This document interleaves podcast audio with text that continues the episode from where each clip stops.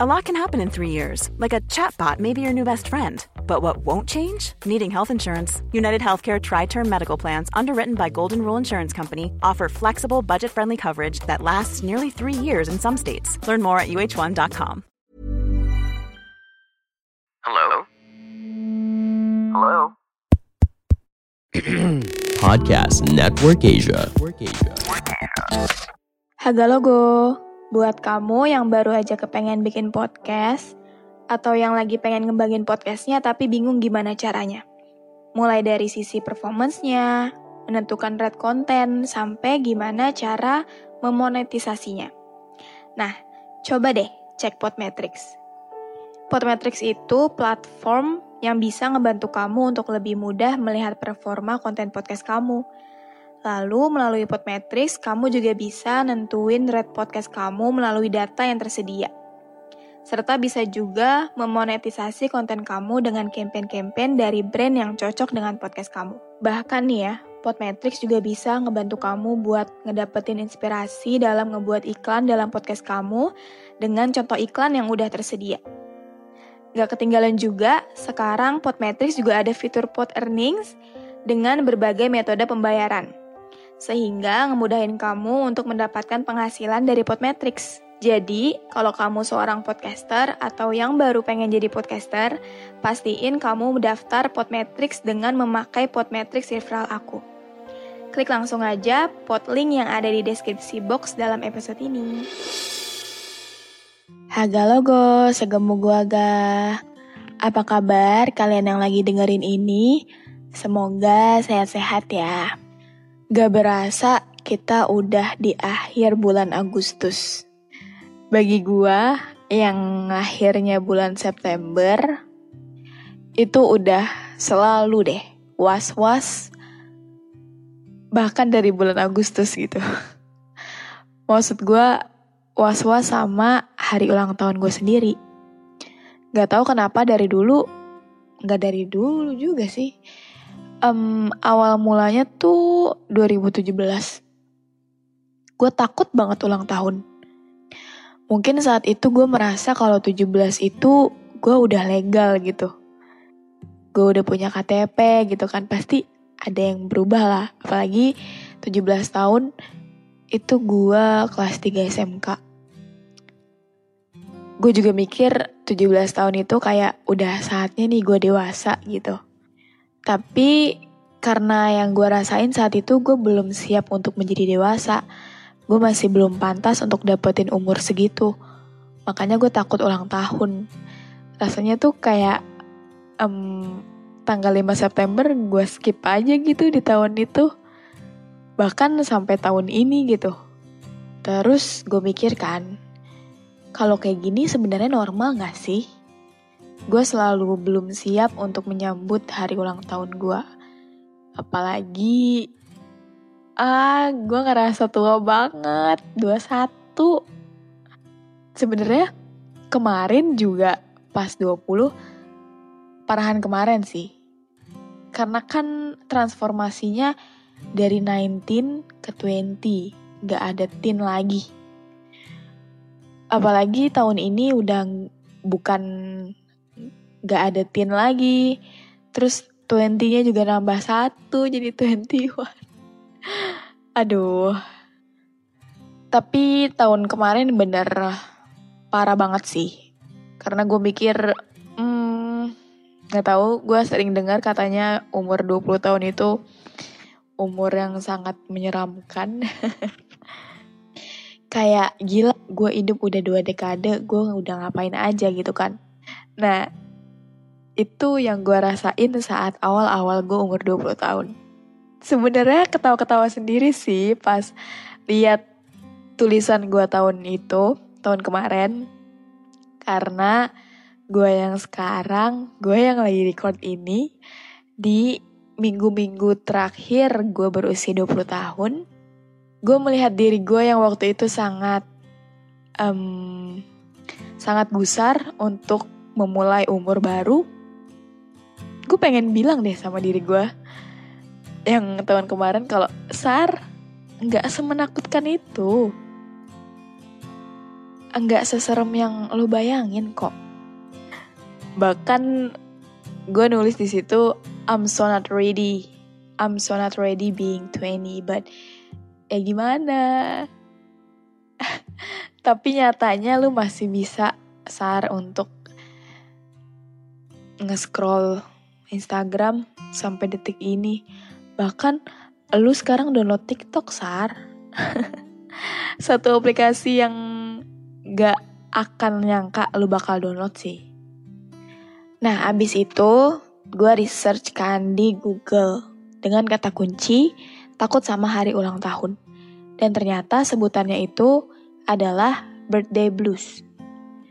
Birthday blues atau dikenal juga dengan birthday depression merupakan gangguan yang dirasakan seseorang menjelang hari ulang tahunnya, di mana ia merasakan sebagai perasaan seperti putus asa hingga depresi. Beberapa orang pernah mengalami sindrom ini dengan berbagai gejala seperti kehilangan kepercayaan diri, ingin menghindari kontak dengan orang lain, kesulitan tidur, hingga kehilangan nafsu makan. Soal yang ingin menghindari kontak dengan orang lain. Tahun 2019, tahun 2020, gue melewati ulang tahun gue dengan ya sendirian. Gue merasa tidak perlu ada banyak orang yang tahu. Gue merasa gue tidak perlu untuk update status kalau bahwa ya ini loh gue lagi ulang tahun ucapin dong gitu. Um, gue gak kayak gitu kayaknya. Tapi kadang kalau ngeliat temen gue yang ulang tahun gitu ya, banyak banget yang ngucapin lewat instastory terus nanti dia repost. kayak kadang mm, pengen kayak gitu, cuma gak pengen juga sih. Bahkan di tahun 2019 aja pas ulang tahun, gue milih untuk ambil jatah libur gue. Gue merasa gue pengen gak ngapa-ngapain saat gue ulang tahun. Gak tau deh. Pas gue mikir-mikir lagi, iya juga ya. Sedih juga ya gue ya, gitu. Bahkan gue sampai nangis sambil dengerin lagu Nadine Amiza yang kereta ini melaju terlalu cepat. Kayak gila, baru kemarin gue lulus sekolah, rasanya baru kemarin gue pertama kali ngelamar kerja. Eh, tiba-tiba besok udah 21 tahun. Birthday blues yang gue alamin sih lebih ke gue yang belum siap untuk dicap sebagai orang dewasa. Gue takut si umur 21 tahun ini kecewa sama perilaku atau sifat gue yang masih terkadang childish dan selfish. Dan gue semakin takut kalau gue masih nyakitin orang lain. Dan yang paling gue takutin adalah gue masih nyakitin diri gue sendiri. Kalau tahun ini Gue gak tahu ya bakalan ada yang ngucapin lebih banyak atau enggak. Tapi tapi gue sama sekali nggak excited. Gue bahkan takut. Kayak gue kayak belum selesai gitu loh di umur gue yang 20. Tapi gue punya suatu kebiasaan kalau udah mulai hamin seminggu gitu ya. Bilangnya nggak excited tapi excited gitu. Gak jelas banget emang seminggu sebelum hari ulang tahun gue, ya gue mulai ngejauhin orang lain sih. Gak tau gue gak mau ketemu orang lain aja gitu. Bawaannya di kamar terus nonton drakor. Gue mau bacain salah satu notes gue di tahun um, 2020 kemarin. Gue selalu nulis di note HP sih. Ada tanggalnya juga. 29 Agustus 2020 jam 4 sore lewat 3 menit. 7 hari terakhir menjadi 19 tahun. I still don't know what I want. 30 Agustus 2020 jam 6 sore lewat 22 menit. 6 hari terakhir menjadi 19 tahun. I still don't know what I need. Tapi ke skip tiba-tiba gak tahu kenapa. Jadi langsung lompat ke tanggal 3 September. Jam 5 sore lewat 29 menit. Dua hari terakhir menjadi perempuan 19 tahun. Masih takut untuk dicintain orang lain. Gak mau nyakitin perasaan orang lain. gak mau ngejauhin siapa-siapa. 4 September, jam 10 malam, lewat 8 menit. Hari terakhir jadi perempuan 19 tahun. Sar, semoga lu tetap sabar. Semoga hati lu tetap tegar seperti biasanya. Semoga lu bisa menyuarakan apa yang lu mau. Semoga lu bisa bilang enggak sama suatu hal yang emang lu gak suka. Semoga lu terus memberikan energi baik di sekitar lo. Semoga lu bisa lebih jujur sama hati lo sendiri. So ya, yeah, itu catatan gua. mungkin tahun ini bikin lagi. Nanti kalau gue bikin gue share di instastory mungkin hihi. Udah kayaknya gitu doang yang mau gue sharing tentang birthday blues. Jadi buat kalian yang juga takut sama ulang tahun, it's okay. Samaan sama gue. Jadi kalian gak sendirian. Dan sebenarnya kalau dipikir-pikir, birthday blues ini kayak anxiety gak sih? Karena kan gue ngerasa cemas yang berlebihan gitu. Gue menakuti apa yang belum terjadi.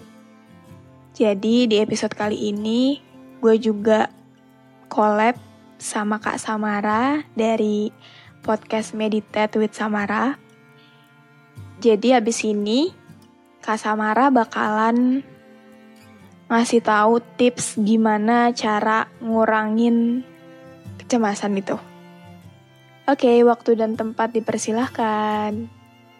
Hai Sarah dan pendengar podcast Cuma Sharing. Perkenalkan, aku Samara dari podcast Meditate with Samara. Pertama, terima kasih banget Sarah udah sharing pengalamanmu dan isi pikiranmu biar orang-orang ngerasa relate juga ya kalau merasakan hal yang sama menyadari bahwa eh ada orang juga yang mungkin merasakan birthday blues mirip-mirip sama aku. Jadi pertama terima kasih banget udah ya membuat kita lebih sadar gitu ya sama isi pikiran yang mungkin penuh dengan kecemasan ini. Aku relate banget dengan rasa cemas gitu ya dan belajar bahwa rasa cemas itu dan rasa takut sebenarnya karena pikiran kita tuh terlalu di masa depan apalagi masa depan yang gak menentu. Mungkin gak sesuai sama ekspektasi kita, mungkin kita terlalu memaksakan suatu hal terjadi dan lain-lain gitu ya. Misalkan ada standar masyarakat kalau udah umur 20, dua harus sudah punya A, B, C, D, E gitu ya. Dan itu kan membuat ngerasa cemas ya kalau misalkan kita membandingkan atau fokusnya terlalu dibandingkan sama orang lain. Nah, tapi itulah yang harus kita ingat sebenarnya bahwa ya masa depan itu kan belum terjadi. Dan kalau kita selalu memikirkan di masa depan, kitanya nanti bakal stres sendiri dan nanti kesehatan kita jadi kurang baik. Yang kita punya cuma saat ini. Ya, jadi yuk kita bareng-bareng kembali ke saat ini. Setiap kali kamu nyadar kalau pikirannya lagi ke mana-mana, especially merasa cemas sama masa depan. Yuk sama-sama tarik nafas. Hembuskan nafas. Tarik nafas. Hembuskan nafas.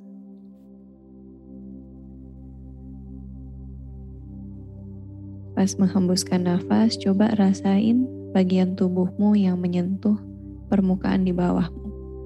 Mungkin saat ini kursi, kasur, atau lantai.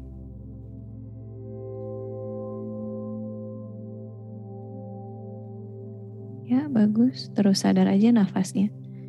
Ya, jadi semudah dengan membawa perhatian kita ke nafas, itu membantu kita untuk lebih jejak ke saat ini gitu. Jadi biar kalau kita merasa aduh deg-degan, cemas, kita selalu punya nafas kita kok dan kita di saat ini mungkin masalahnya itu nggak ada.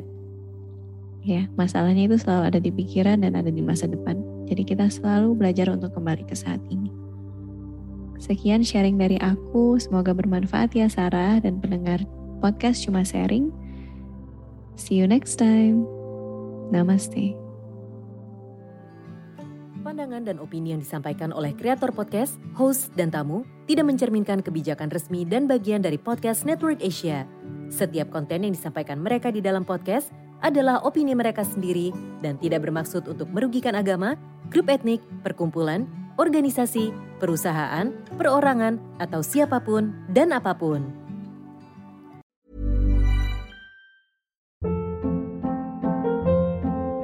Hold up. What was that? Boring. No flavor. That was as bad as those leftovers you ate all week. Kiki Palmer here, and it's time to say hello to something fresh and guilt-free. Hello Fresh. Jazz up dinner with pecan-crusted chicken or garlic butter shrimp scampi. Now that's music to my mouth. Hello Fresh. Let's get this dinner party started. Discover all the delicious possibilities at hellofresh.com.